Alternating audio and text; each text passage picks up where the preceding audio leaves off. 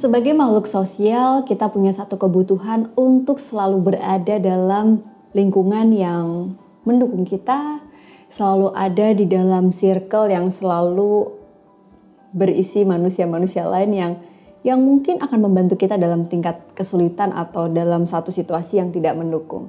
Teman-teman, di menganalisa kali ini, aku akan membahas tentang support system yang mungkin banyak banget di kolom komen kayak merasa aku nggak punya orang yang mendukung nih mbak, aku ngerasa orang tuaku begini, aku ngerasa temanku begini. Sebenarnya apakah dalam hidup kita selalu butuh memiliki support system dan apa sih sebenarnya support system itu?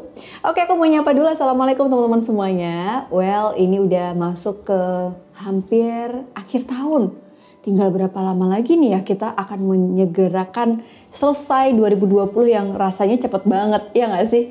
Dan kalau aku lihat 7 bulan ini memang 7 bulan yang paling berat di tahun-tahun yang selama ini aku anggap sebagai tahun yang mungkin paling cepet dan paling berat.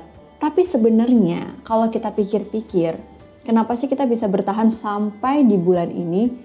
Pasti ada sebuah tujuan.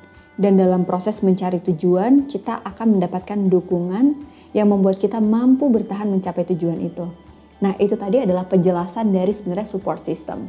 Jadi kalau aku boleh bahasakan lagi, support system merupakan relasi atau hubungan yang dapat mendorong seseorang ke keadaan yang lebih baik, mendukung, dan support system ini juga akan sangat terasa manfaatnya saat kita sedang dalam kondisi yang tidak baik-baik saja atau terpuruk.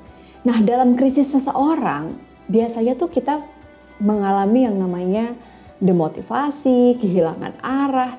Support system ini akan hadir untuk mengingatkan kita tentang ke mana sih kita harus melanjutkan hidup kita dan arah yang akan kita tuju ke depannya. Kalau kita nggak punya support system, apa yang akan terjadi dalam hidup kita? Teman-teman, support system ini merupakan sesuatu yang mungkin bisa kita cari, tapi kalau kita pikir-pikir lagi gitu ya, kalau kita mau cari cari ke mana ya mbak Ana karena aku ngerasa aku tuh nggak punya temen nggak ada orang terdekat kita dalam proses penyembuhan dari luka masa lalu atau trauma kadang-kadang itu bisa mempengaruhi fisik mental kita loh kalau kita tidak mendapatkan dukungan dari orang terdekat. Nah saat mengalami krisis inilah kita butuh bantuan orang-orang ini. Dan siapa sajakah mereka? Mereka orang yang dengan tulus membantu kita tanpa kita minta. Mereka yang selalu hadir dalam setiap suka dan duka. Dan mungkin orang-orang ini kadang-kadang sering kita lupakan, tapi mereka akan selalu ada di dalam tempat yang sama. Dan menurutku pandemi ini tuh adalah cara kita melihat lagi siapa orang-orang yang berada dalam circle positif kita.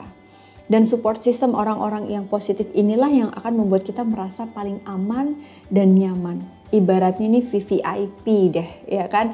Jadi kita tidak perlu menjadi orang lain, kita tidak perlu merasa harus uh, menutupi diri kita yang tidak ingin kita tunjukkan kepada siapa pun dan kadang-kadang support system ini meskipun tidak semua dari keluarga tapi aku rasa paling banyak ya dari keluarga sendiri gitu karena nggak pernah ada ikatan keluarga yang punya niat untuk tidak baik terhadap anggota keluarga yang lain.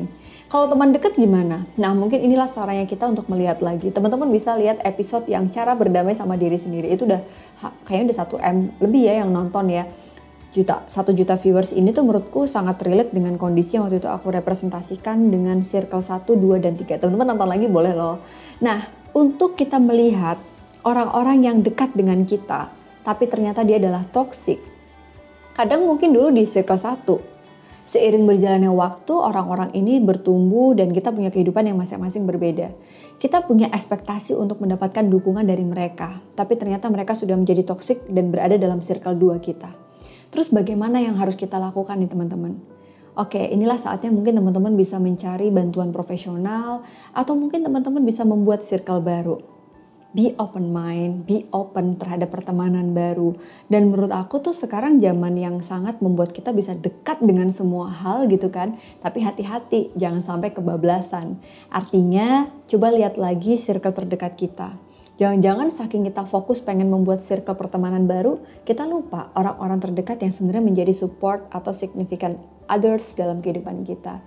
So teman-teman, pandemi ini juga mengajarkanku terutama untuk punya waktu lebih banyak terkoneksi sama keluarga, terkoneksi kembali lebih dekat dengan sahabat-sahabat yang mungkin selama ini nggak pernah ketemu, Dan inilah saatnya kita juga merefleksikan lagi apa tujuan kita, untuk siapa kita bekerja, untuk siapa kita melanjutkan setiap usaha dan upaya, dan kenapa kita punya alasan untuk bertahan dalam situasi yang hari ini tidak nyaman.